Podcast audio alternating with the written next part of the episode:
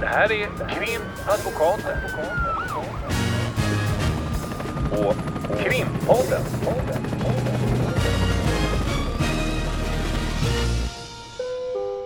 Parter och ombud kallas till sal 32. Hej Ulrika! Hej Lotta!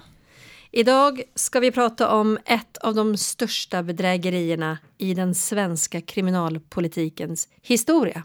Vad har vi på det?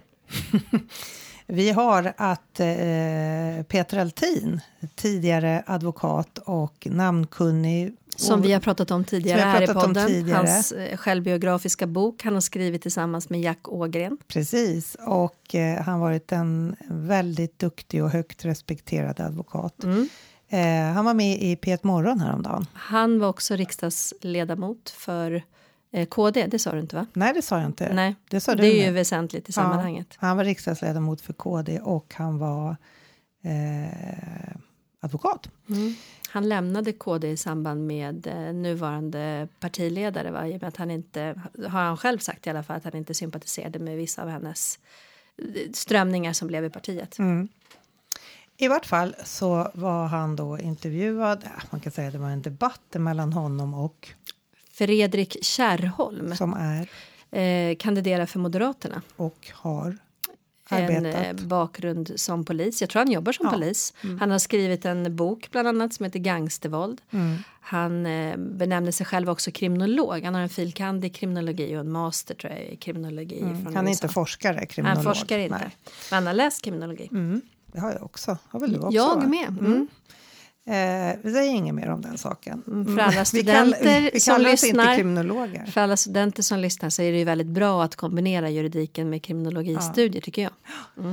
För vissa, förvisso. Men eh, när det gällde den debatten så eh, framförde just Peter Altin det här som han döpte till en av de största bedrägerierna i svensk kriminalpolitiks historia, nämligen det han vill ja, plädera för är ju eh, det faktum att högre straff eh, repressiv lagstiftning leder inte till en minskad kriminalitet.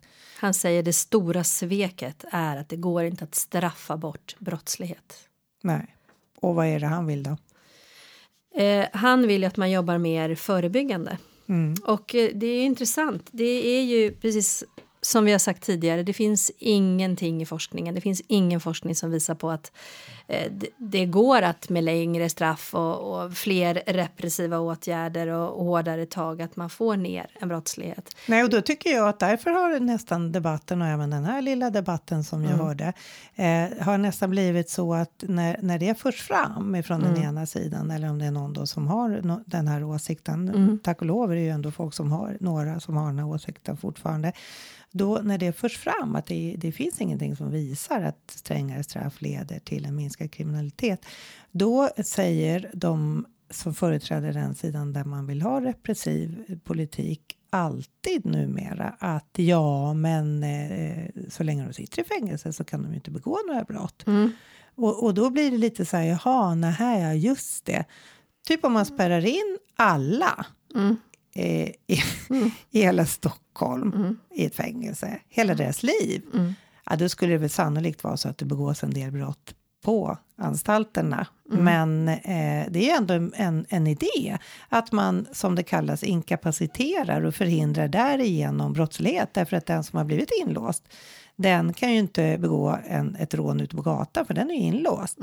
Och nu när vi har haft och har fortfarande de här målen kring Encrochattarna, de här, eh, den här, ja, alla vet vad Encrochattar är, annars får man väl googla på det då. Och det har vi varit de senaste två åren ganska mycket med de målen och, och det har ju också föranlett att det är många som har blivit både gripna och sen också eh, Lagförda. lagförda och nu sitter på våra anstalter. Och då pratar vi även ganska högt upp eh, i strukturerna. Och eh, om det nu skulle vara så som de som är förespråkare för längre straff och, och den här repressiva politiken, om det nu skulle vara så att deras påstående om att då minskar ju brottsligheten och kriminaliteten om folk hamnar lång tid i fängelse, då skulle det ju inte ha varit alla de här skjutningarna i januari. Nej. Och det kanske inte skulle varit så att brottsligheten ser likadan ut som, från, som innan Encrochattarna. Nej. eftersom det hela tiden finns en ny rekrytering bland unga människor. Framförallt i områden och i samhällsklasser där man inte har det gott ställt. Man Mm. sköter inte skolan. Man har ibland problem hemma. Man har föräldrar som kanske också är svaga. Det här för ju också Peter Heltin fram och tycker man, att man ska göra är att satsa på barnomsorg, skola, satsa på föräldrar, satsa på samhället runt omkring för att barn inte ska vilja välja den Mm. kriminella banan. Därför att blir det som det blir efter de här Encrochat-målen att man får tag på många och spärrar in dem så betyder det ju att det blir vakanser ute i leden Mm. och de fylls upp oerhört snabbt. Så det är ju inte så att situationen i utanförskapsområdena ser bättre ut när det gäller kriminalitet eh, efter att man har gripit de här lite högre personerna. Och det, det som är intressant tycker jag, jag menar, jag läste kriminologi slutet på 90-talet, början på 2000-talet. Du också tror jag, eller hur? Ja, jag Och då- kommer inte ihåg. mm, Ja, Typ, någonstans där. Typ någonstans där. Och redan då så pratade vi om det här. Mm. Och det, det fanns forskning och artiklar och, och man var ute i media och pratade. Och det har det ju varit genom åren. Vi känner ju alla till de här eh, figurerna som figurerar i, i medierna ifrån kriminologiska, alltså forskare inom kriminologi Mm. och, och straffrätt och så vidare. Så, och jag tycker det, man har aldrig hört något annat. än Man måste satsa på ungdomarna, man måste satsa på att stabilisera ute i, i de här områdena och i samhället som sådant och att en långsiktig investering i samhället vad gäller de här åtgärderna är det som, som lönar sig Mm. Och det är i så sorgligt då att, att och jag kommer ihåg, alltså det, är ju, det har man ju hört redan innan man intresserade sig för, för straffrätt eller kriminalpolitik eller något, att man hörde att att eh, en, en person som sitter i fängelse eh, kommer att kosta samhället jättemånga pengar, Mm. kommer jag ihåg från när man var typ tonåring, att man hörde det gentemot att man istället satsar de pengarna på, på förebyggande åtgärder. Det, det, är ju, det här är ju ingen nyhet, men nyheten är ju att det numera knappt finns några partier kvar inför årets höstens val att rösta på om man inte delar den här uppfattningen om att det ska vara repression, strängare straff, anonyma vittnen är ju på ingång och allt det här som vi har pratat om. Eh, eh, och och det, det är ju ett problem eftersom det inte finns någonting som väger emot. Ja, jag får bara säga det, du pratade om kostnader och så. Det är ju alltid intressant. Det blir ju lite krast Mm. kanske och distanserat utifrån en, en mänsklig misär och enorm samhällsproblematik när man börjar prata pengar och samhällskostnader. Men det är ju väsentligt för det det, det handlar om är att men det här kostar, de pengarna hade vi kunnat investera i någonting annat. Som, ett, som att samhället är ett företag. Mm. Och då vet jag i, i Agenda så var det en, någon sån här specialsändning i, i Ja, två, december. två delar i, på en kväll. Va? Jag tror vi har pratat om det någon gång. Ja, jag tror också vi var inne på det. Man kan ju bara säga det att där sa man, jag minns inte hur väl underbyggt det var, men det var en nationalekonom som sa i alla fall en siffra att en gängkriminell kostar Sverige 23 miljoner kronor. Och för det så kan man ju fundera kring vad skulle det innebära om man började med förebyggande insatser, socialarbetare på plats, skolan givetvis, allt det här som jag tror att folk också är lite trötta på. Dels för att man tycker att det är ganska självklart och dels för att det, det är så långsiktigt, det är svårt att investera, man vill ha snabba resultat. Och, och det är som att det är det politikerna har tagit fasta på att nu går vi ut med det här, nu är det kronvittnen och vi tar bort ungdomsreduktionen och vi, vi gör längre fängelsestraff.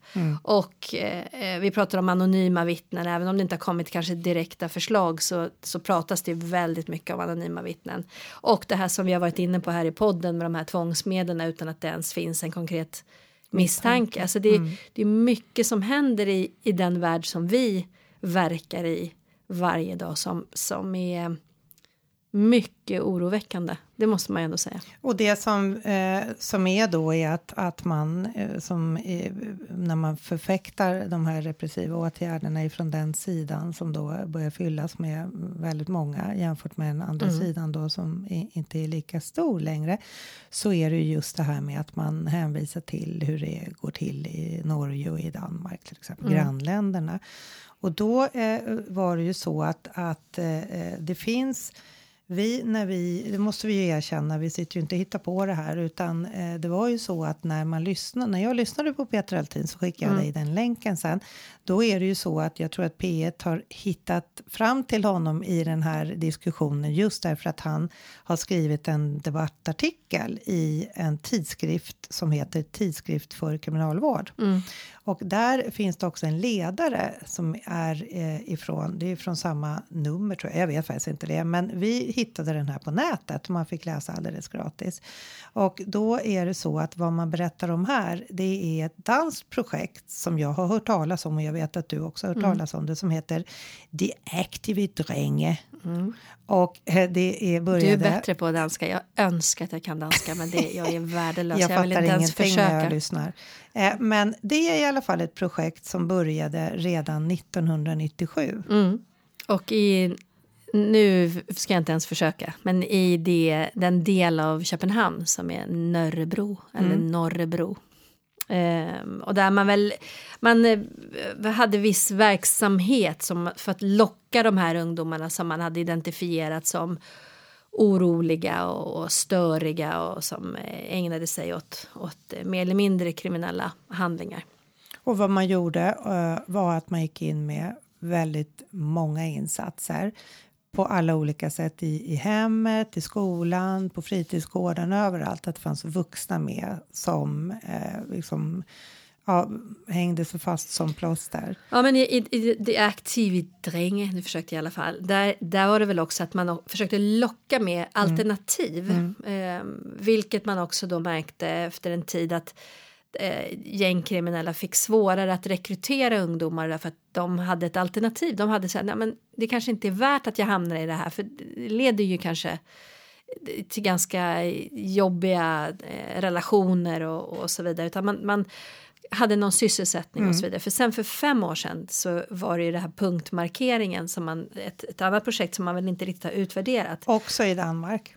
Också i Danmark där man alltså Där var har det haft faktiskt den, i, i, den, i den andra, The Active Dränge. Där är, är de lite äldre, de är mellan 14 och 16 år. Medan i det här som var för fem år sedan, som du precis skulle börja redogöra för, där är det intressant därför att där är det ju då 9 till 12-åringar. Det, då går man ner ett snäpp i åldern. Och där är det då de här Ja, punktmarkeringarna. punktmarkeringarna med, med att man följer dem från det att de vaknar på morgonen med då ett, ett, ett nätverk bestående av socialarbetare, lärare, kontaktpersoner. Är med dem i skolan, med på fritidsaktiviteter och så se till att de gör läxor och alltså som en eh, personlig assistent. Mm. Det, det är ganska intressant. Om det finns sådana resurser i samhället, det vore ju fantastiskt. Och då kunde vi också läsa kring det projektet att man också hade familjebehandling som riktade sig eh, i Danmark då främst, främst mot mammorna, de här familjerna. Men det var för att stödja dem i mammarollen. Familjebehandling finns ju också i Sverige, eh, men att vad man gör är att man verkligen, det är inte bara punkt, jag tycker egentligen punktmarkera låter, Kanske låt- låter. Det låter, fast det är ju så de Ja. beskriver det, men, men det är ju verkligen att vara ett plåster. Ja. Man är med hela tiden och det här är ju då väldigt eh, små barn kan man säga. Och då är det ju så att när politikerna eh, i Danmark eh, propagerar för högre straff och allt det här som vi har pratat om. Det har ju varit en jättetrend i Danmark eh, och om det är dubbelstraff och man är gängkriminell och allt det här. Så, så har det visat sig när man eh, tittar på argumentationen så har politikerna i Danmark, deras motsvarighet i riksdagen och regeringen inte riktigt berättat om det här med de här insatserna eh, som går parallellt med, med de höjda straffen. Utan det har de tyckt varit lite småfjolligt så att det har de inte snackat så mycket om. Och då när man sen har kunnat se att det har skett förändringar, eh, kriminalförändringar, eller kriminalförändringar, det har skett eh, eh, förändringar. Visst är det en tredjedel det har minskat på tio år? Eller någonting? Ja, det Jag minns inte det jag. den. Ja, minskat, under de senaste tio åren tror jag har minskat en tredjedel i Danmark. Och då, eh, är det ju, då kan man ju tänka så här, ja då förstår man ju att de svenska politikerna de lyssnar på de danska politikerna för de danska politikerna de talar inte om att de har gjort de här projekten som är oerhört ingripande utan de skryter över skärpta straff och dubbla straff för gängkriminalitet och eh, allt det här. De har ju det som kallas för tillträdesförbud till utsatta bostadsområden. Det har vi ännu inte i Sverige men det är väl bara en tidsfråga. Då har svenska politiker inspirerats av det här. Mm. Eh, och danskarna har då som sagt inte velat fjolla sig med att berätta om att man har de andra parallella åtgärderna. Och då är det ju också så oerhört intressant tycker jag och eh, jag antar att du också tycker det att eh, det finns då forskning kring eh, de här eh, gänglagarnas förtjänst, om det är deras förtjänst. Och den forskningen visar att det finns ingenting som stödjer att gängbrottsligheten går att bekämpa med polisiära insatser och straff, utan att det är det här tålmodiga förebyggande sociala arbetet som Mm. som påverkar. Men då gör man så att man från politikernas sida i Danmark visar hur hårda straff och hur, hur duktiga vi är på att sätta ner foten och tala om vad skåpet ska stå. Och då får vi ner eh, kriminaliteten. Och sen ska svenska politikerna härma det då. Och, och då är, är det ju så beklagligt när, när det som just är det här vi har pratat om och Peter Altin pratar om och de allra flesta som jobbar eh, som advokater och, och försvarsadvokater som vi gör faktiskt eh, är av en ganska tydlig uppfattning att vi ser ju våra klienter. Vi mm. ser hur de har farit illa under deras ungdomstid och vilka problem de har även när de är vuxna. Inte för att skylla ifrån sig när det gäller de brotten som är begångna, men att vi ser att det är förebyggande åtgärder som behövs. Och då är det så sorgligt när man i Sverige säger titta på Norge, där har de anonyma vittnen och då har de i själva verket aldrig använt den lagstiftningen. Nej. Titta på Danmark, där sätter man in gängkriminella på dubbelt så långa straff. Se vad bra det går där. Mm. Och, och det som har gått då, det går inte att bevisa att det är det som visar utan det är de förebyggande åtgärderna som ingen vill prata om för det mm. verkar lite, lite för mjukt. Mm. Och det är det ingen politiker Eller, som vill vara idag. Nej, och satsa pengar på det också för det, det är såklart att det måste bli väldigt kostsamt. Men om, man måste ju mäta, det tar lång tid. Jag tänker på, jag var ju en del, jag tror jag pratat om det också när vi pratade mer om vår bakgrund och, och erfarenhet så var jag ju med i det här konsekvensprogrammet som var i slutet mm. på 90-talet också.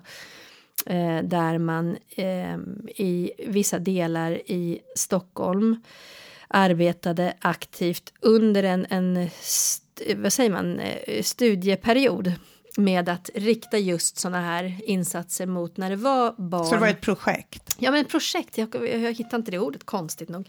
Eh, där det var ett projekt där vi eh, fångade upp Eh, ifrån, jag tror man, var ute på parklekarna. Finns det parklekar fortfarande i, ja, det parkerna? Gör det måste det, det. Jag, jag, har sett att det finns en eh, borta bakom Skattehuset. Ja, eller ja. vad det nu heter, Skrapan. För där var det i alla fall på den tiden folk som jobbade på parkleken. Mm. Och när de då noterade barn just i de här lite mindre åldrarna så att vi jobbade mycket då i början med de som var 9-10 upp till 13 ungefär. Och när de började visa på det här lite gränsöverskridande och det här som tydde på liksom ett, ett äh, agerande som är om det då är psykisk ohälsa eller om det är ett annat mående eller som så småningom kanske leder till olika saker som vi sen hanterar i den roll som jag är idag. Men Eh, och det höll vi på med i fem år. Och då var det just en forskare som, som eh, gjorde en utredning på det och som visade på att, att det blev väldigt, väldigt goda resultat. Nu var ju det en begränsad del i Stockholm och det var en ganska begränsad, jag, jag kommer inte ihåg hur många om det var 20 barn eller något sånt där. Så det var inte och så hur jättestort. Insats, var de liknande de här i Danmark? Var, eh, ja, det var inte från morgon till kväll. Eh, men det, man fångade upp dem där och tog med dem då direkt in i ett projekt med eh, kontaktpersoner, socialtjänsten, familjebehandling, lärarna i skolan och så träffades vi jag kommer inte ihåg, var fjärde vecka kanske. Alla de vuxna? Alla vuxna. Eh, och eh, diskuterade, eh, nej, inte, inte föräldrar och, och, så, utan alla de som var kring de här och utvärderade. Okej, okay, vad, har vi, vad har vi gjort? Hur är reaktionerna? Hur fungerar det? Kan vi göra någonting mer? Väldigt aktivt. Och sen när när barnet då eh, började må lite bättre så man gjorde en bedömning och, och, man började liksom få familjen med på banan och så vidare. Så ju, då glesade man ut och sen gjorde man lite mer punktinsatser och återkom och kollade vad händer. Hur går det nu? Och sen när de då hade fyllt 15, vad händer då? Och det var här då själva också studien kom in. Vad händer med de här som man fångade upp? Och det är såklart att det finns som alltid med statistik man kan ta konkurrerande faktorer och så vidare. Men det blev ett gott resultat med de här som hade fått de här insatserna. Och, och jag tycker du och jag har ju båda flera ungdomar som har haft de här kvalificerade kontaktpersonerna. Eh, som man kan få från SOS. Och eh, eh, min uppfattning är, nu är det kanske en gång i veckan ibland och någon, eller några timmar i veckan och sådär. Men det har ju också oftast en väldigt bra effekt. En, en lite äldre, bra förebild, man gör roliga grejer ihop, någon som följer, någon som har koll lite på skolan och som en extra förälder fast med en en annan typ av uppfostringstanke. Ja, lite som liksom. en, en, så här, en schysst vuxen, som en typ en moster eller en farbror ja. som inte är som en mamma eller en pappa. Utan eller att, som man kan prata med ja, liksom, men på ett ändå annat vuxen. sätt. Så och de är ju kostsamma och, och eh, för typ tio år sedan fanns det fler sådana. Jag, har inte, jag tror att det kanske har blivit lite färre av den varan. Men eh, jag tänkte så här att eh, när det gäller ditt projekt då. Ja. Ja, det var inte Jag var ju en liten Nej, men liten du som var en liten skärva, en liten punkt. Jag, skulle, i, jag var där som en hände? avskräckande, ska Vad jag säga. Alltså, jag var ju du bara var den där och som var skulle... mest brottslig, eller? No, exakt, jag var den dåliga. Du Nej, var det den var... som inte gick att reparera. Bli inte som jag. Men nej, jag var den som skulle prata om eh, skulder och kronofogden. Ehm, li, ja, det var mest det. För på den tiden det var också samarbete med Södersjukhuset som visade fruktansvärda bilder vad som hände vid misshandel. Um, ja, det här gick in också i den påföljd eh, som då hette konsekvensprogrammet. Mm. Där, där, det var liksom samma grupp där man då jobbade med, med straffmyndiga som eh, fick det som nu är ungdomsvård och ungdomstjänst var konsekvensprogrammet och då hade vi olika punkter. Men och då vi hade- då gjorde- utvidgade det till de som var under 15. Liksom. Ja, ja, ja, okej. Mm. Och sen så säger du att det, den, eftersom det parallellt bedrevs en, en forskningsverksamhet Mm. kring, kring det här projektet. Men vad är skälet, känner du till det? Vad är skälet till att det bara blev de där fem åren? Varför finns inte det här överallt? Ja, det, alltså det lades ner. Därför Ja. att man... Eh, eh, Tyckte det, var det dyrt var ju väldigt eller? kostsamt. Ja, visst. Det var väldigt många vuxna professionella aktörer, studievägledare och så vidare inblandade. Men det finns ju del, jag har ju fortfarande kontakt med många av dem som, eh, eller många ska jag inte säga, två av dem som var med i det här eh, projektet och de jobbar ju liknande, de är ju socialsekreterare inom Mm. ungdomsstödet och jobbar fortfarande väldigt eh, mer som punktmarkerande och, och Men och de är betyder två personer. ja, men det finns ju säkert flera nu. Jo, men jag menar, har det, då, med eh, då, det är liksom. ju fortfarande inte, det är inte det här som man, som man då sticker under stol med när det gäller det här projektet i Danmark. Att, att man verkligen går in och finns med hela tiden för Nej. att stävja det här. Och vad man förhoppningsvis då enligt forskningen vinner på det, det är att det är kostsamt i början. Mm. Men har man då fått de här personerna som är lite ute och flöjtar Mm. på väg i en negativ riktning, att se någonting positivt med att inte att bli laglydig och, och gå till ett jobb utan att, att det på något sätt, det verkar mycket roligare här Mm. att hålla på med. Man kan, det funkar i plugget, man mår bra, Mm. man, man får den hjälpen man behöver. Det är inte så kul att hänga ute på gatorna och riskera och, och bli knivskuren eller skjutas ihjäl. Så det, och den kostnaden är kanske en dyr kostnad un- under fem år för en enskild person. Men, Mm. Men sen, sen så när vi också- jämför då med de här miljonerna som du pratade om som, Mm. som var med på Agenda där när man pratade om vad kostnaden är för, för när du säger en, en gängkriminell och då han, handlar det ju om eh, vad det kostar med fängelse, med häkten och med sådana saker. Och framförallt om vi får en person som eh, studerar eller utbildar sig till ett, yrke Mm. och sen då blir en samhällsmedborgare som bidrar. Det är såklart att man har igen då all investering. Men- det är egentligen självklart. Och det är det där som är, är, det är väl det om man ska knyta ihop påsen med Peter Altins citat, en av de största bedrägerierna i den svenska kriminalpolitikens historia, just att politikerna frammanar en bild som kanske inte är eh, helt korrekt och låter också allmänheten tro att eh, högre straff ger en minskad kriminalitet, att det är det som är bedrägeriet och att vad han menar är också att man, man släpper de unga personer som växer in i det här och inte får det stödet. Det blir ju ett bedrägeri även mot dem. Mm. Men precis, och jag tycker han säger det på ett, på ett väldigt bra sätt. Och det som jag tycker är intressant i det här sammanhanget som vi var inne på initialt. Han är då gammal KD-politiker och han står och debatterar med en moderat. Nu är de i, i samma allians liksom. Mm. och det är intressant just som vi var inne på att det är inte längre en, en partifärgsfråga utan det blir mer en, en eh, ja, vad säger man, en, en medborgarfråga. Ja, och då kan man ju säga det att det, oj, det, han, det han förfäktar att, att, eh, att det ska vara en större, att det måste finnas ett, ett samhälle som är där, där, där klyftorna inte är så stora och där, där det finns en solidaritet mellan medborgarna. Mm. Där man också eh, bland oss medborgare, som man uttrycker det, eh, vissa av oss mm. hamnar i den här problematiken och då är det vi andra som ska hjälpas åt att ja, vi ska hjälpas åt att inte det här ska ske och vi får vara aktiva.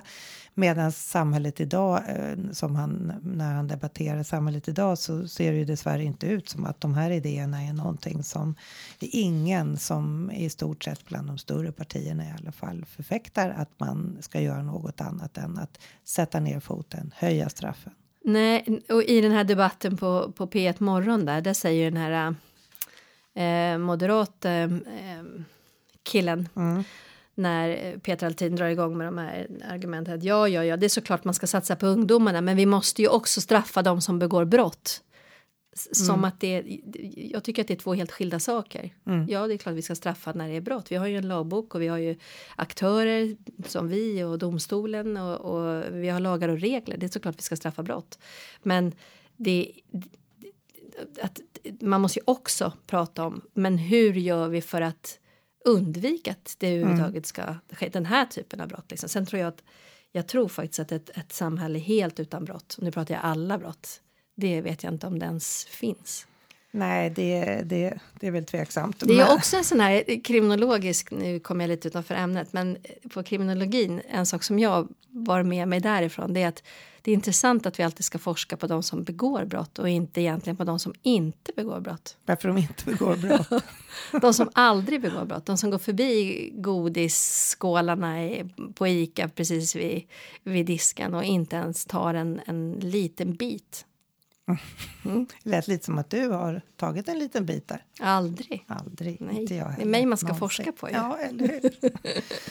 Men eh, som sagt, eh, vi rekommenderar då eh, tidskrift för kriminalvård och mm. vi, eh, där den här artikeln av Peter Altin finns och även den här ledaren som var, var intressant att läsa. Och sen rekom rekommenderar vi ju förstås att lyssna på den där debatten på P1 morgon. Det kan vara svårt att hitta den, men jag tror säkert att man kan söka fram till den.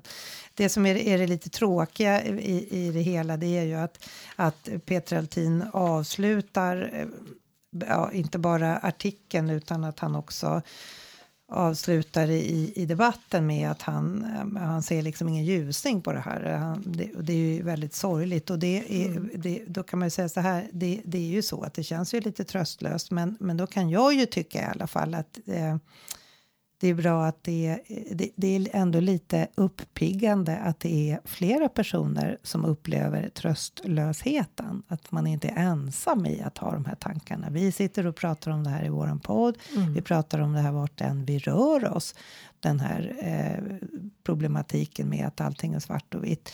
Men då är det ju i alla fall lite upplyftande att det finns flera som ser tröstlösheten i detta.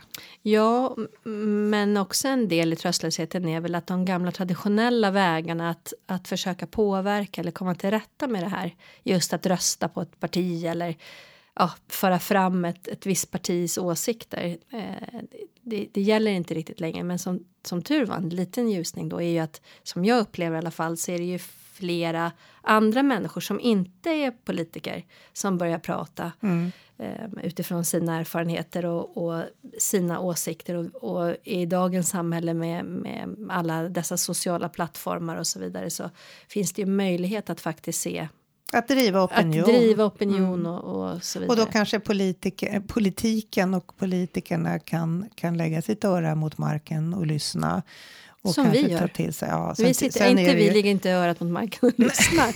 men att man använder de, de plattformar man har och faktiskt uttrycker en åsikt och inte ser det längre. Jag kan tycka att det är positivt för att det, det som har varit så här, men det här är vänsterflum, man ska inte hålla på och bara tänka liksom förebyggande och så vidare. Men, men det som blir tydligt nu är att det är ju inte det. Det är inte partipolitiskt bundet utan det är mer en samhällelig fråga. Och en humanistisk En tanke humanistisk om hur man ska eh, leva som samhällsmedborgare och hur man ska se på andra människor runt omkring en som lever i samma samhälle. Och jag vill också då i sammanhanget eh, och hänvisa till, vi har varit inne på den också, eh, den här eh, Tills alla dör av eh, Diamant Diamant. Ja, där han också redogör för, det handlar ju mycket om de här gäng eh, eh, kriminella och så vidare och deras olika konflikter och så vidare. Men det som är intressant som ju skymtar fram, eller skymtar, det är, han är ju ganska tydlig med det, det är ju just nedmonteringen av, av välfärdssamhället. Det här vad som händer när SOS försvinner och poliser försvinner.